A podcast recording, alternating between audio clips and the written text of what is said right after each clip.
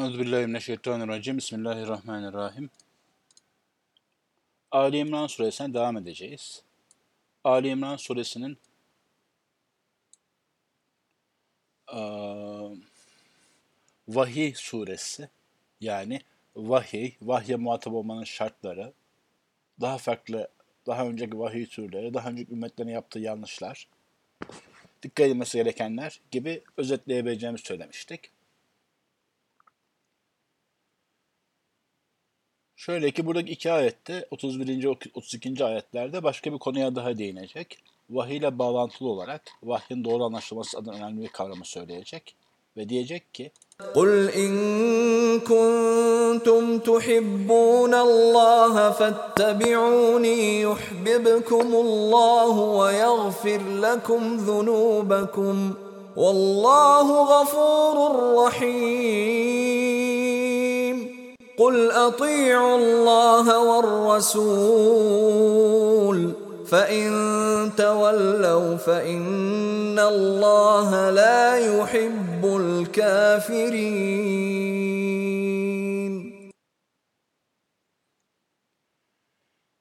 şöyle ki arkadaşlar vahyin başından itibaren vahyin yani surenin başına itibaren vahye dair kavramlarda Allahu Teala'nın bütün gaybları bildiği ve insanı rahimlerden itibaren yaratan olduğu, vahye muhatap olurken zeyye düşmemek gerektiği, vahye muhatabiyetten sonra bazı dünyevi zahmetlerin çabalamanın gerekebileceği, sonra bu konuda hayatı dünyanın yani zuyinelinden bu şehvat olan meselelerin ciddi bir engel olabileceği, ona dikkat edilmesi gerektiği, sonra ilim geldikten sonraki bağ durumunun bazı hakikatleri anlamaya mani olduğu, olacağı, lüzumsuz ihtilaflar çıkacağı, sonra vahyin manasını ortadan kaldıracak ciddi bir sapmanın da tamam anladık, kabul ettik, Allah var, ahiret var, kitap var ama zaten biz cehenneme gitmeyeceğiz. Bir defa iman ettik, kurtulduk. Cehennemden katiyen kurtulduk düşüncesinin insanların içindeki tüm vahyi ciddiye alma kavramını ortadan kaldıracağını ve bu çerçevede de e, Kur'an'ın ya da vahyin yani ve sünnetin ben Kur'an ve sahih sünnetimle beraberce vahiy diyorum. Sebeplerini başka bir sohbet açıklayabilirim. E, dinin bir kısmını alıp bir kısmını almama tamayülüne gireceği yani gönüllerine göre bir din kuracaklarını dinin belirli emir ve yasaklarını öne çıkarıp başka emir ve yasakları yokmuş gibi davranacakları ve Kur'an ve sünnetin hakemliğini kabul etmeyecekleri. Henüz sünnet demedi yalnız. Ben bugünümüz için söylüyorum da Ali İmran suresi henüz sünnet demedi. Daha sonra daha sonra müminleri bırakıp kafirleri yani aktif olarak iman ve Kur'an'ın aleyhinde bulunanları dost edinmemeye dikkat ediyor, dikkat çekiyor. Bu motif de vahye muhatabiyette bir nokta. Yani nasıl ki insanın cehenneme gitmeyeceğine emin olması onu Kur'an'ın bir kısmını alıp bir kısmını almamaya götürüyor. Daha doğrusu dinin bir kısmını alıp bir kısmını almamaya götürüyor. Aynı şekilde dostluk, sevgi ve menfaat ilişkileriyle müminler dışındakilerle ama dikkat, hakiki müminler diyelim. Hakiki iman ve İslam yolunda olanlar dışındakilerle velayet, Türkçe yani dost diye çevrilir. Bu velayet ilişkisi, Mevla olma ilişkisi kurulduğu zaman o da vahyin birazını ittiba edip birazına ittiba etmemeye getiriyor. Bir ana fikri, ana maddeleri surenin başından beri özetlemiş oldum. Şu yüzden bir açıdan çok bildiğimiz bir ayet bu. Diğer açıdan genel bağlamı içerisinde yerine dikkat etmemiz gerekecek bir ayet. Kul in kuntum tuhibbunallaha eğer siz Allah'ı seviyor oldu iseniz birebir hani güvercin Arapçasına tercüme edecek olsak böyle tercüme ederdik. Eğer siz Allah'ı seviyor oldu iseniz Yani siz hakikaten Allah'ı sevdi, sevmekteyseniz veya sevmek istiyorsanız vurgusu daha da düz alalım. Eğer Allah'ı seviyorsanız fettebeuni bana uyu verin, bana ittiba edin, benim adımlarımı siz adımlarınızı benim ayak izlerim olacak şekilde ittibanın asıl kök manası olarak yani bana uyun ki burada ki yok da Türkçe söylüyoruz. Yuhbibkumullah. Allah da sizi sevsin. Mantık çok güzel. Zira insan birini sevince onun da kendisini sevmesini ister. Hatta her zaman için sevmek, sevilmeyi istemek demektir. Yani insanlar arası basit durumlarda da ben işte Ayşe'yi seviyorum deyince bir insan bunu Ayşe'ye söylerse ya başkana söylerse aslında kendilerinden söylediği diğer şey de Ayşe de beni sevsin istiyorumdur. Bu arada A harfiyle ilk aklıma gelen ismi söylüyorum arkadaşlar. Özel bir manası yok. Buna istiyor demektir. Yani bariz olduğu için bir açıklama yapacak bir şey bulamadım. Bir şeyi sevmek umumen onun da kendisini seviyor olmasını istemeyi içermektedir. Hatta bunun e, cansızlar ve başka şeyler şuur sahibi olmayanlar için hali de kendisi için uyumlu olmasını istemektedir. Mesela işte ben karpuzu seviyorum ama dokunuyor. Ama te, e, yani ben karpuzu seviyorum cümlesinden bana dokunmasın, bana iyi gelsin de içinde barındır. Özetleyeyim. Sevmek her defasında sevilmeyi istemeyi içerir. Bu Tınnerlis tanımında var. İkincisi de eğer vasıflardan dolayı seviyorsak bu da zaten sevilmeyi şöyle ister. Mesela diyelim ki özellikle üniversite bir hocamız var. Alim, fazlı bir insan. Onu seviyoruz, beğeniyoruz, takdir ediyoruz. Onun da bizi sevmesini ikinci olarak şöyle isteriz. O alim ve fazlı bir insan olduğu için mesela ancak kabiliyetli öğrencileri, işte çalışkan, edepli insanları sevecektir. Dolayısıyla onun bizi sevmesini istediğimiz vakit biz bir yandan da o güzel sıfatlara sahip olmayı istiyoruz demektir. Bu da işin ikinci kısmı.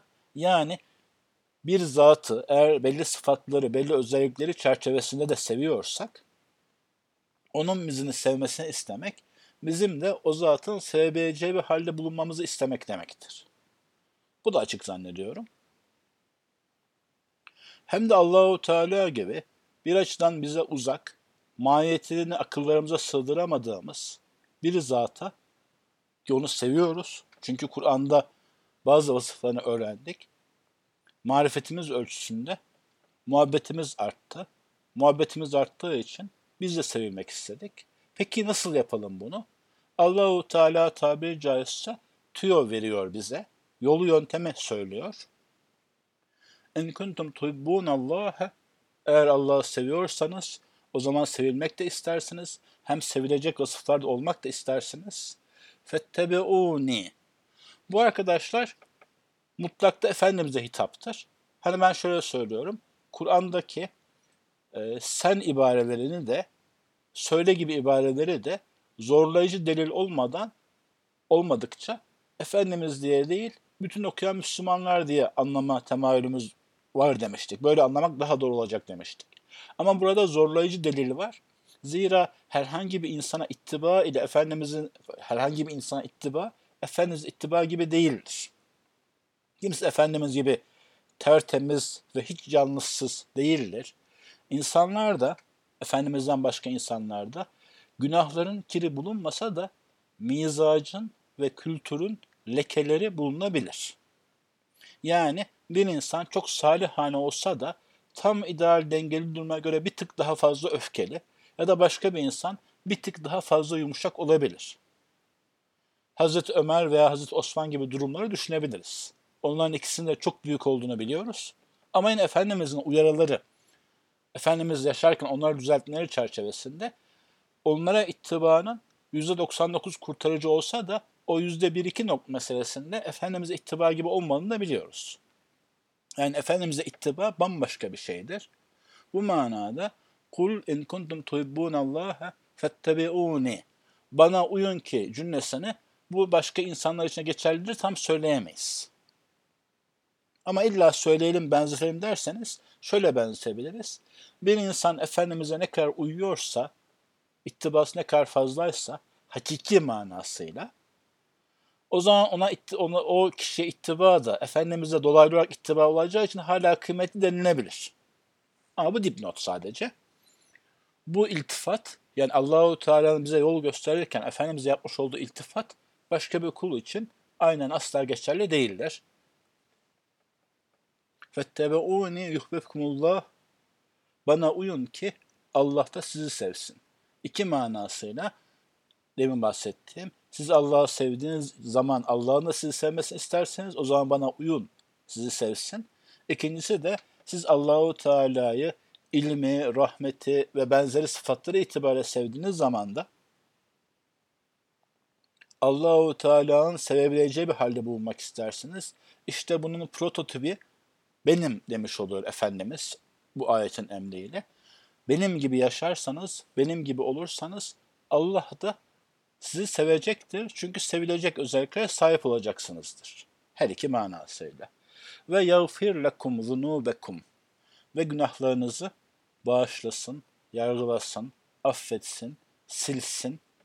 Bunların hepsi gufranda yok ama yağfir lekum da Allah'ın gafir ismi mevzu bahis olduğu gibi afü, tevvab, settar gibi isimler de mevzu bahistir ikincil olarak. Dolayısıyla günahlarımızı bağışlasın yanına, günahın çeşidine göre örtsün, kapatsın, silsin veya affetsin diye söyleyebiliriz. Tekrar ederim arkadaşlar, bir kul için hatalarının mağfiretle mukabele görmesinden daha güzel bir mükafat yoktur. Bu mananın tam canlanması biraz şuur artışına, nefse emmareden nefsi levvameye çıkmaya, kendi hatalarını duygusal krizlere girmeden ama rasyonize edip açıklayıp savunmaya da kalkmadan saf bir halde görmek ve bir parça kurtulmaya çalışmak ve normal, düz, sıradan çabalarla hatalardan kurtulamadığını da görmek üzerine başlayacak hani o zaman başlayacak şuurun bir anlayışın neticesidir. Allahu Teala'dan bekleyebileceğimiz ve herhangi bir kulun bekleyebileceği mağfiretten daha büyük bir mükafat yoktur. O yüzden Fetih suresinde de Allah sana fetih bahşet dedikten sonra günahlarını affetti der. Bu arada bu bizim için öyle olduğu gibi Efendimiz için dahi öyledir. Bu Efendimizin günahı var demek değil ama mağfiret Allah'tan bir kulun bekleyebileceği en büyük mükafattır. Diğer bütün nimetler bundan bir adım daha sonra gelir diyebiliriz. يَغْفِرْ لَكُمْ ذُنُوبَكُمْ Vallahu gafurun rahim. Allah gafurdur, rahimdir. Bu isimlere şu anda tekrar girmeyeceğim. Kul etiullaha ve Resul. Allah'a itaat edin ve Resulüne de. Burada bu sırada şu espri var. Evet Efendimiz aslında kendi başına, kendi olarak yani peygamber olmadığını varsaysak bile gösterdiği kemal ile itaate en azından pek çok açıdan yani aslında her açıdan ama en azından pek hani peygamber olmadığını varsaydık ya yani o açıdan en azından dedim. Pek çok açıdan itaate bizzat layıktır. Fakat bizim Efendimiz'e itaatimizin asıl sebebi, hikmeti ona itaatin zaten Allah'a itaat olmasıdır. Yani etiullah ve rasule derken aslında mutlakta en temelde iki farklı itaat merciinden bahsetmiyor. Allah'a itaat edin ve Allah'a itaatinizin kamil olması için Allah'ın size gönderdiği elçi olan Resul'e itaat edin. Veya diğer manasıyla siz zaten Resul'e itaat etmeyen Allah'a tam itaat etmiş olmazsınız. Ve diğer manasıyla sizin sahih sünnete ihtiyacınız Kur'an olan ihtiyacınızdan az değildir. Evet, Efendimiz'e ittiba, Allah'ın bizi sevmesinin ve günahlarımızın bağışlanmasının en önemli yolu olduğu gibi Efendimiz'e itaat bizzati Allah'a itaattir. Burada sünnete ittiba ederken bir şey dikkat çekeyim arkadaşlar.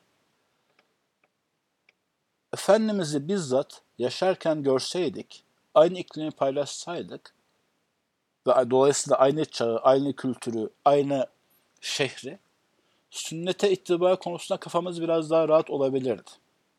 Fakat araya nesiller ve asırlar girince bilgi, yani daha doğrusu Efendimizin artık ne yaptığı, Efendimizin ne yaptığına dair bir bilgi meselesi oluyor. Mevzu bilgi meselesi olunca bilgiyi anlama meselesi öne çıkıyor. Dolayısıyla insan daha cahilken gidip eline özellikle bir ağaçtan kesilmiş bir ağaç parçası alıp hususi bir ağaç parçası, misvak yani, dişlerini onunla fırçalayınca veya başına sünnete ne kadar uyuda tam belli değil ama tülbentten ve sarık sarınca kendisini sünnete tam ittiba etmiş gibi hissedebilir. Hatta öyle ki avamın bazı yerlerinde sünnet deyince misvak ve sakal ve sarık anlaşılır. İmdi Efendimiz bunları yapmıştır yapmamıştır girmiyorum. Elimizde bazı hadisler de var. Ama Efendimiz esasen nedir? Esasen bu dünyada neyi ortaya koymuştur? Ne şekilde davranırsak, nasıl yaşarsak esasında tam sünnete ittiba etmiş oluruz. Şimdi biliyorsunuz bir mevzuda her meselenin ağırlığı aynı değildir. Yani Efendimizin yapmış olduğu ayrı ayrı yüz başlık düşünelim. Mesela birisi insanlara Allah'ı anlatması ve Allah'ı sevdirmesi. Bir başkası insanlara son derece yumuşak huylu davranması. Bir başkası sağ eli yemek yemesi. Şimdi sağ eli yemek yemesi de önemsizdir diyemeyiz. Ama mesela insanlara İslam'ı ve Allah'ı ve imanı anlatması, tanıtılması ve sevdirmesinin yanına yanında sağ elle yemek yemenin mevzu bahis edilmeyeceği bir hal vardır.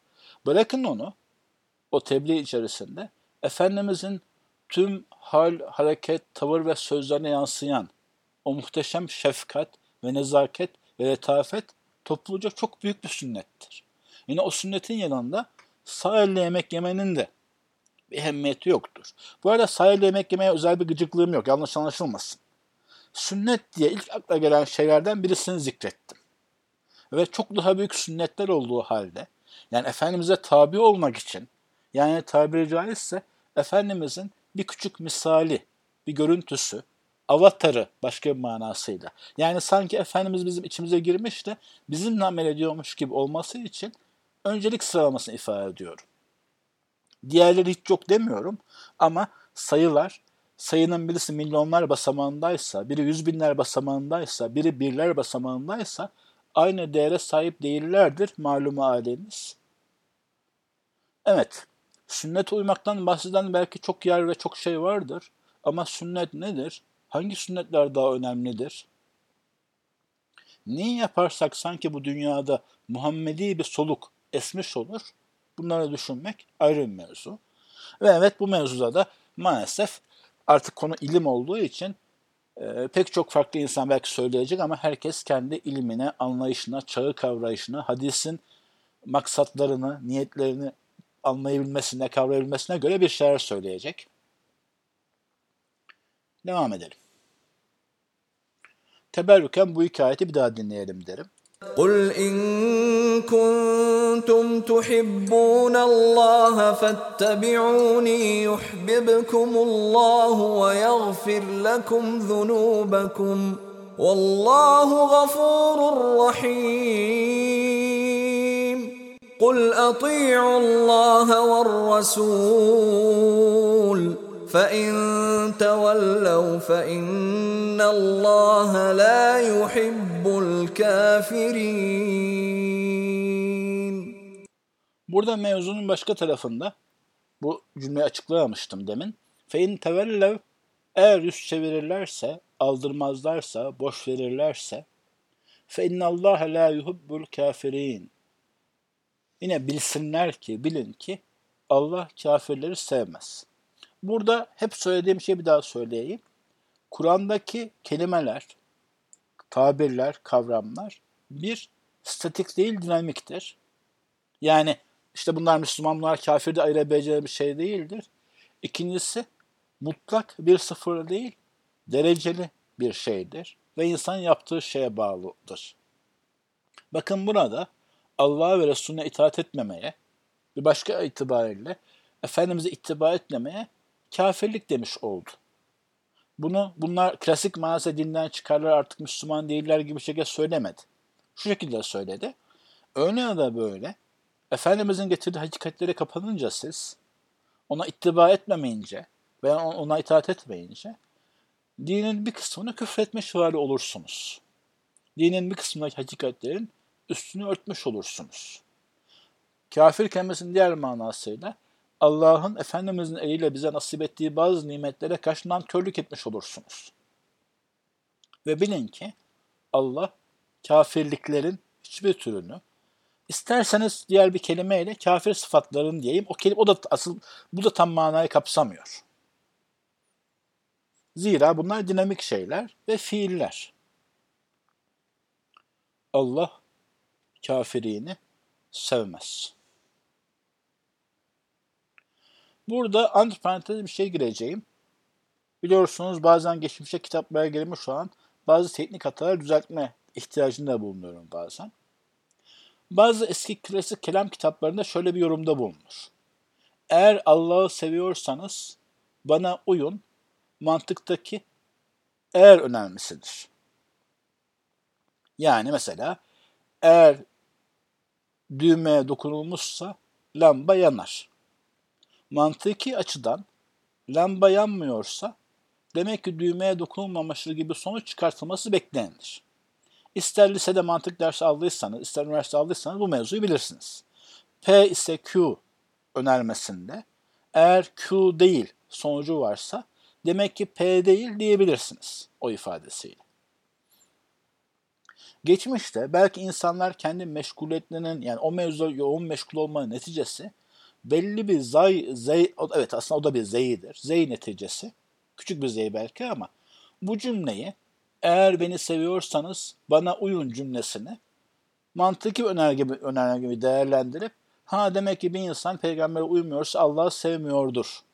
Bu o anlama gelir. Bu mantıki katiyettir gibi yorumlarda bulunmuşlar. Fakat söyleyeyim bu tarz yorumlar doğru değil. Şu açıdan doğru değil. Birincisi mantığa dair, önermelere dair bilgiler has ve dar bir aile bir daire için geçerlidir. Yani siz evet lise 2'de çocuklara mantık dersini gösterince hani P, S, Q ve demin söylediğim şeyi anlatınca ve demek örneği verince mesela e, anahtara dokunduysam lamba yanıyordur. Anahtara dokunduysam lamba yanar. Bunu işte bir eğer kalıbı olarak koşullu önerme olarak koyduğunuz vakit şıklarda işte lamba yanmıyorsa ne diyebilirsiniz?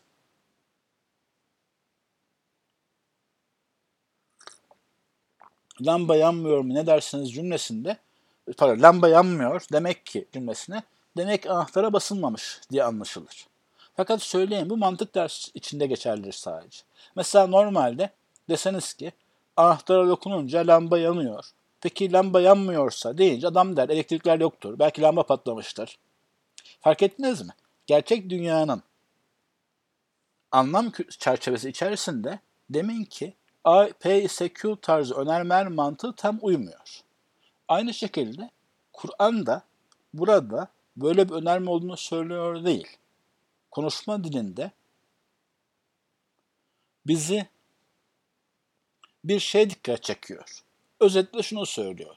Eğer Allah'ı seviyorsanız peygambere uyun ki Allah da sizi sevsin. Bundan sonra şu cümleye çıkarabilirsiniz ifade olarak. Allah'ın sizi sevmesini istiyorsanız ki isterseniz kim istemez ki bunun yolu peygambere uymaktır. Bakın aynı mantık hata şurada da yapılabiliyor. Namaz insanın kötülükten alıkoyar ayetini biliyorsunuz. Orada da insan namaz kıldığı halde hala kötülük yapmıyorsa, yapıyorsa demek ki namaz kılmıyordur gibi bir yöntem, bir sonuç çıkarmaya çalışılıyor. Bu da PSQ'dan çıkan bir cümledir. Ama orada da asli mantık hatası vardır. Çünkü o cümle bir mantıki terim değildir. O cümle bize şunu söylemektedir. Bırakamadığınız, bırakmaya çalıştığınız kötülükler mi var? Bırakmanın yolunu mu bulamıyorsunuz? O zaman namaz kılın veya kıldığınız namazın kalitesini arttırın veya nafilelerle destekleyin veya sünnetle geçen namazın önce sonrası duaları, tesbihleri yapın ki sizin namaza sarılmanız ölçüsünde kötülükleri bırakacaksınız, terk edeceksiniz. Bu size bir tüyo, bir yöntem, bir yardımdır. Aynı burada da Allah'ın sizi sevmesini mi istiyorsunuz? Kim istemez ki iman ettikten sonra? O zaman Resul'e ittiba edin ki Allah sizi sevsin. Hemen oraya dipnotu düşeyim. Resul'e ittiba mevzusunu rica ederim sakaldan, sarıktan, misaktan başlamayın, diğer taraftan başlayın. Mesela nereden başlayın? Hakikaten insanlara İslam'ı, imanı, Kur'an'ı, vahyi anlatıp, tanıtıp, sevdirip, benimsetmekten başlayın. Mesela emin olmaktan başlayın. Sizin için de desinler hani Ahmedül Emin desinler, Ayşetül Emin Emine desinler uyduğu şekliyle. Çevredeki insan bizim tanıdığımız hiç yalan söyleyen, en doğru söyleyen insan budur desinler. Veya biz onun ağzından bir kere bir insan hakkında negatif bir şey duymadık desinler. Evet, Efendimiz'e uyma Allah'ın bizi sevmesi için en iyi yoldur. Ve Efendimiz'e uymaya da o büyük şeylerden başlayınca daha hızlı kendimizi sevdiririz. Dönelim ve devam edelim.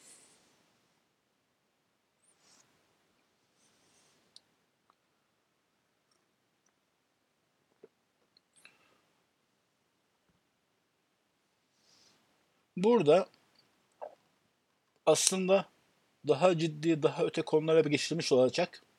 Yani bundan sonra gelecek menkıbe uzun. Fakat o menkıbeye bir giriş maliyetinde kısa bir şeyler var. Onları da o ayetleri de okuyalım. İnna Allah astafa Adem ve Nuh ve al İbrahim ve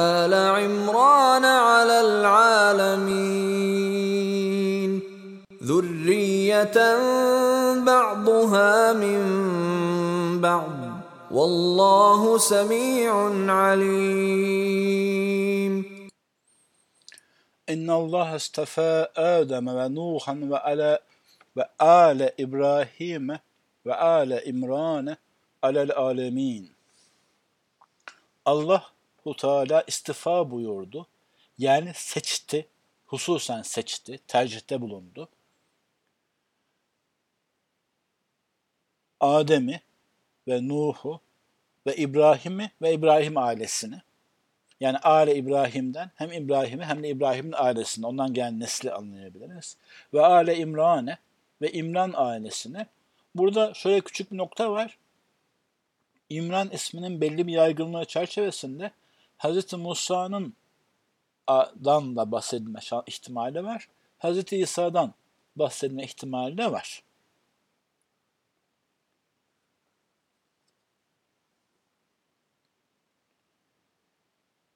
Bunları alel alemin, alemler üzerine seçti.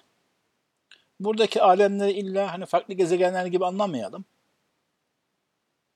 Zira alem, alem kelimesini illa bizim bildiğimiz mana dünya diye anlamak bile ikinci bir, ikinci bir manasıdır. Herhangi bir biçimde bilinen bir alameti olan belli vasıfla vasfedebilecek her şey için alem denilebilir. Yani bir cins küme diyebilirsiniz. Böyle söyleyince basit gibi oldu da. Amacım bir basitliğe indirgemek değil. Ama ama alemden illa e, işte dünyayı kastedilir. O yüzden alemin deyince de mutlaka başka gezegenler olması lazım. Ve en azından insanlar alemi, hayvanlar alemi, cinler alemi gibi çok büyük şeyler olması lazım gibi düşünmek bir hata olmuş olur. Hatta farklı farklı zamanlarda yaşamış farklı insan nesilleri için dahi farklı alemler diye kullanılabilir. Bu manada. Zürriyet zürriyeten ba'duhum ba'duhu ba'duha min ba'd. Birbirinden gelen nesiller. Burada nüvvete mümkün kılan belli genler var mıdır? Böyle bir spekülasyona girmeyeceğim. Ama az buçuk konulara bilen bir insanın da direkt aklına gelebileceğini görebiliyorum. Belli ahlaki değerlerin, yani ahlaki kabul edilecek belli değerlerin, Yani insanın kendisini daha kontrol edebilmesi gibi bazı şeylerin veya bazı arzularının kendinden daha dengeli olması gibi hallerin genlerle alakası vardır. Mesela çok öfkelilik gibi şeyler genlerle kısmına aktarılabildiği gibi yine depresyona aşırı meyillilik yahut işte bazı zihinsel hastalıklar da yine genlerin etik, hastalıkların aktarılmasında yine genlerin etkisi vardır. Yani belli ailelerde bunlar yaşayabilirler. Bu manada mevzunun en düz haliyle bu e, daha sahih, daha temiz bir ahlaka ulaşabilecek genler diye anlamak mümkündür. Diğer taraftan belli eğitimin etkileriyle düşünülebilir. Aile içinde sürdürülen belli eğitimin daha mantıklı, daha dengeli, hakikati anlamaya daha meyilli olmaya dair eğitimin etkileri sürdürülebilir. Yani etkileri düşünülebilir. Ama vahiy bu konuda açıklama yapmamış. Bize sadece hani Ali, Ali İmran ve Ali İbrahim'in birbirinden türemiş olduğu yani Ali İmran, Ali İbrahim'den geldiğini bize belirtiyor olabilir. Yahut onların da Hazreti Nuh'un soyundan geldiğini sadece bize belirtiyor da olabilir. Çünkü zaten bunlar belli dönüm noktalarıdır. Bizim bildiğimiz şuurlu insanların tamamı Adem'in nesli olduğu gibi baştaki insanların büyük çoğunluğun yanlışı seçmesi sonrası kalan insanlar arasında da Hazreti Nuh ve ailesinin ciddi bir ağırlığı vardır. Başka müminler var ama o müminler de Hazreti Nuh'un ailesinden daha geniş ailesinde olma ihtimalleri vardır. Dipnot düşeyim sadece. Tevrat'taki hikayeye bakarsanız sadece Hazreti Nuh ve oğulları kurtulmuştur. Ve onların eşleri. Yani Hazreti Nuh'un oğullarının eşleri. Fakat Kur'an Hazreti Nuh'la beraber bir grup müminden bahseder. Ailem ve bana iman edenler diye geçer Kur'an'daki hali.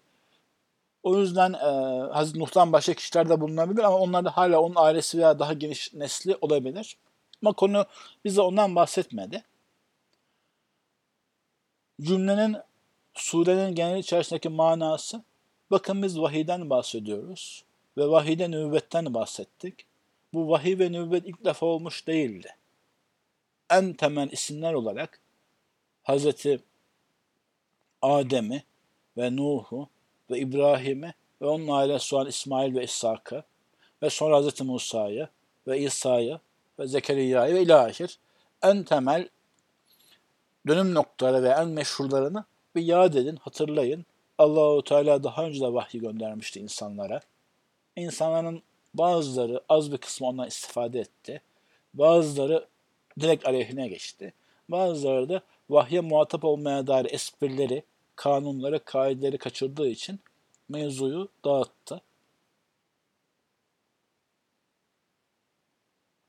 Vallahu semiun alim.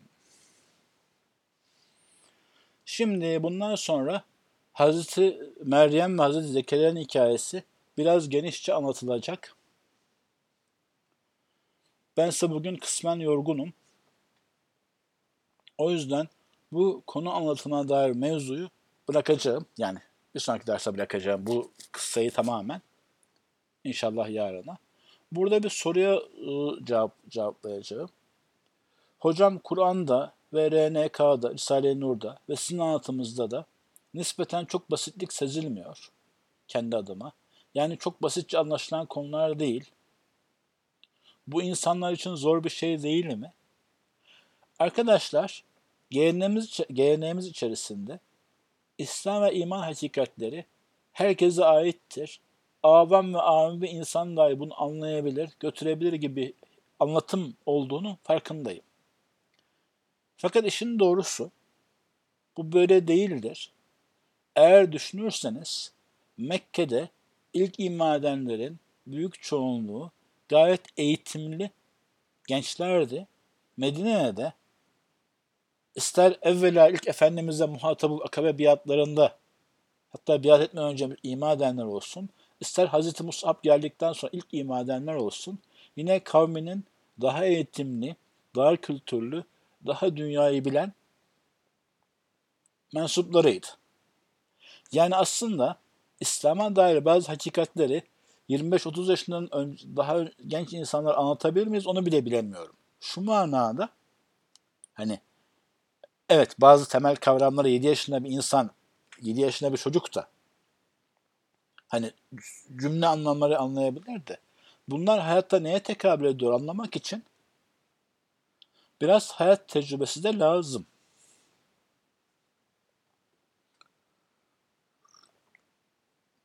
Bu işin bir tarafı.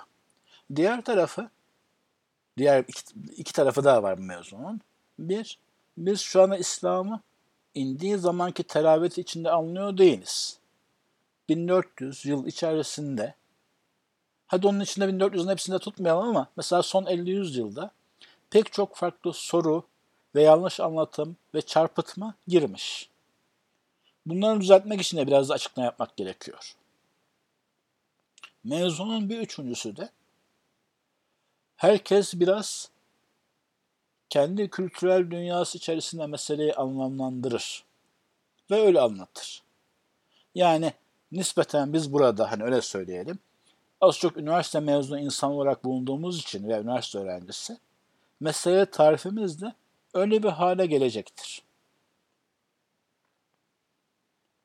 Yoksa eğer biz başka hallerde mesela bazı konularda bazı konularda bir orta çağ veya ilk çağ insanı düzlüğünde olsaydık ve Efendimiz dedi ki günde beş vakit namaz kıl dedi ve ondan sonra hayatım boyunca ben beş vakit namazı kılarım hiç aksatmam. Net iradesine sahip olsaydık daha az laf, daha az açıklama işe yarayacaktı. Hani mezunun üçüncü maddesi de bu. Biz biraz sözün ve açıklamanın çoğaldığı bir çağda yaşıyoruz. O yüzden sözün ve açıklamanın biz de çoğaltmış oluyoruz. Kendiliğinden ve mecburen. Çünkü sorular çoğalıyor. Burada konuyla tam bağlantılı bir soru soruldu. Peki Kur'an için mübin diyor geçiyor Kur'an'da. Bunu nasıl ifade edersiniz diye. Bunu arkadaşlar şöyle örnek vereyim. Finansta iktisatla bağlantılı olarak işletme diyebilirsiniz finansta. Publicly available information diye bir kavram vardır. Herkese açık bilgi. Bunu bazen üniversite çocuklar sorarlar. Mesela zor bir dersin içerisinde. Mesela herkese açık bilgi nedir diye sorarlar. Mesela derim kalkülüs. Çok açık biçimde kitapları var. Adım adım anlatılmış. Çözümlü sorular var. Açık bilgi yani. Kimse özellikle saklamaya çalışmıyor. Şifre arkasında değil. Bu arada e, işletmede geçen o halk, halka açık bilgi derken kalkülüs kastedilmez. Mesela şirketlerin, kamuya açık şirketlerin 3 ayda bir yayınladığı tablolar var, finansal tablolar. Ha siz onu okuyup okuyamaz mısınız o ayrı mevzu. Hani bilanço okuyabilir misiniz? Gelir gider tablosuna bakıp bazı sonuçlar çıkartabilir misiniz? Farklı yıllar arası karşılaştırıp sonuca varabilir misiniz? Veya bir hisse senedinin son 5 yıl boyunca her gün veya her saat veya her dakika aldığı fiyat değerleri de halka açık bilgidir. Yani bunu televizyonlar takip edip kaydediyorsanız, gazeteleri takip edip kaydediyorsanız veya sizin için zaten kaydediyor olan bir şirkete aylık 50-100 lira neyse bir abonelik fiyatıyla verirseniz bu bilgiye ulaşırsınız.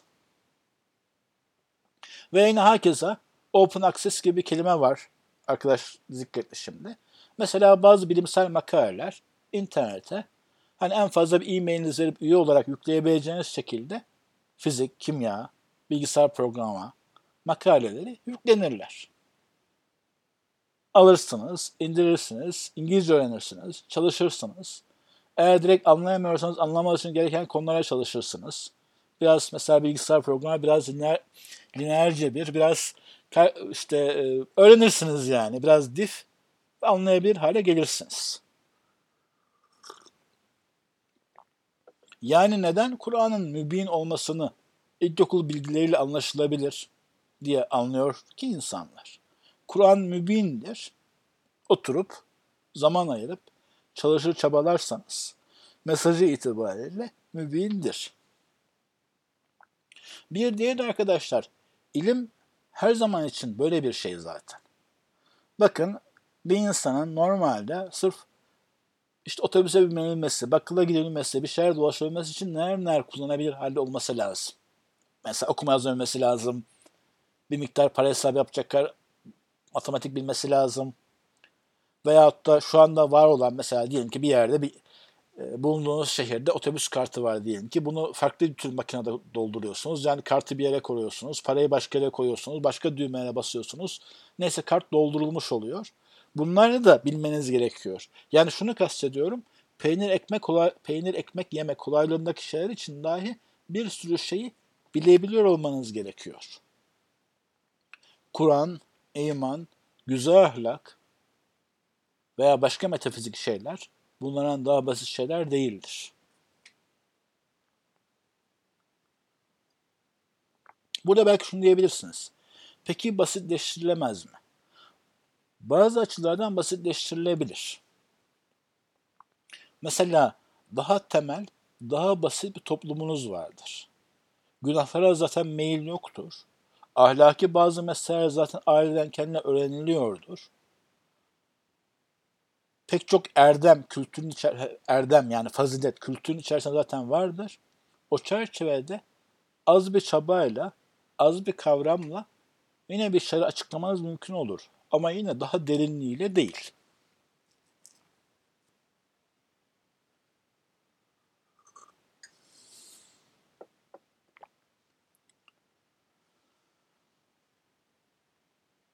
Yani yani Kur'an ve İslam'daki bazı temel mesajlar, mesela namaz kılın, zina etmeyin, içki içmeyin gibi şeyler kolayca insanlar anlatabilse de mesela orucun manası nedir? Namazın hikmeti nedir? Namaz kılarken ne anlamamız gerekmektedir? Bunun için daha ciddi eforlar sarf edilmesi gerekir. Çok çok daha ciddi eforlar sarf edilmesi gerekir. Neyse arkadaşlar. O yüzden hani öyle bir şey söylemeyeceğim. Kur'an tüm alemlere rahmettir. O yüzden çok kolaydır, çok anlaşılır da demeyeceğim. Öyle de değil.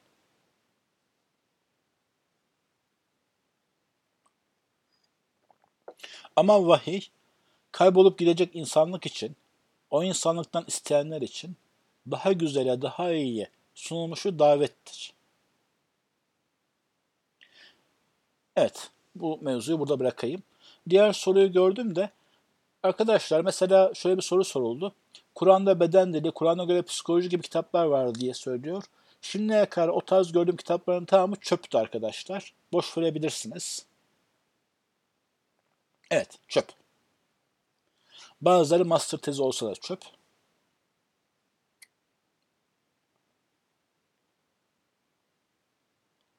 Beden dilinden dair şey normalde zaten çöpte. Bakmayın siz. Büyük ölçüde yani.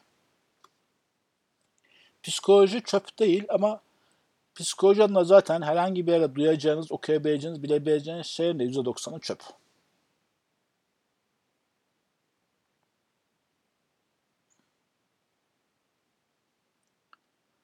Peki mesela Kur'an'da psikolojiye dair daha ciddi bir şey yazılamaz mı? Bırakın hani tamamını Kur'an'da farklı kişilerin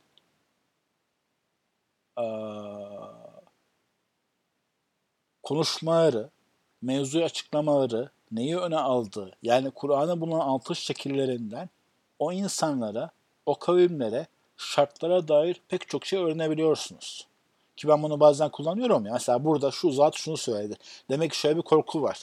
Buna dair mevzu mesela Hazreti suresinin ilk birkaç sayfasını ders olarak yapmıştık ki orada o tarz analizleri yapmıştım. Yani Kur'an şu kelimeyi kullanmış. Bu o kişinin psikolojisine şu açıdan şöyle uyuyor. Şu bilgi veriyor gibi. Şimdi bu tarz analizler çöp olmadan yapılabilir. Bu ayrı mevzu.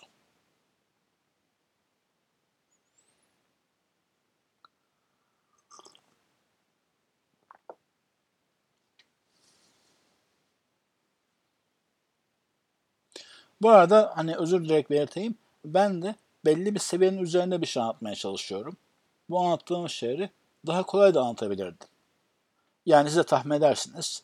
Mecbur kalırsam, yani karşımda ilkokul mezunu bile olmayan insanlar olursa ve onlara da bir şey anlatmak zorunda kalırsam orada bir şey anlatabilirim. Ama bu anlattıklarımı anlatmış olmam. Belki hoş bir hikaye ben anlatırım. Eğer oradan fayda geleceğini düşünürsem. Yani bir nokta olarak da ben de belli bir seviyenin üzerinde bir şey anlatmak, o ilimleri nakletmek, o şuuru oluşturmak istiyorum. Ondan bir Allah rızası umuyorum. Rabbim bize kabiliyetlerimizin yani bize verdiği istidatların ötesinde sonuçlar, nihayetler, neticeler, akıbetler ihsan buyursun. Ve bize gönderdiği vahyi ister Kur'an suretinde, ister Efendimizin sünnet-i sahihası suretinde olsun, bize gönderdiği vahyi güzelce anlamayı, anlamayı ve yaşamayı nasip etsin. Ve yine bize Efendimiz'e ittiba ile Allah'ın bizi sevmesi ile şereflendirsin. Amin. Velhamdülillahi Rabbil Alemin.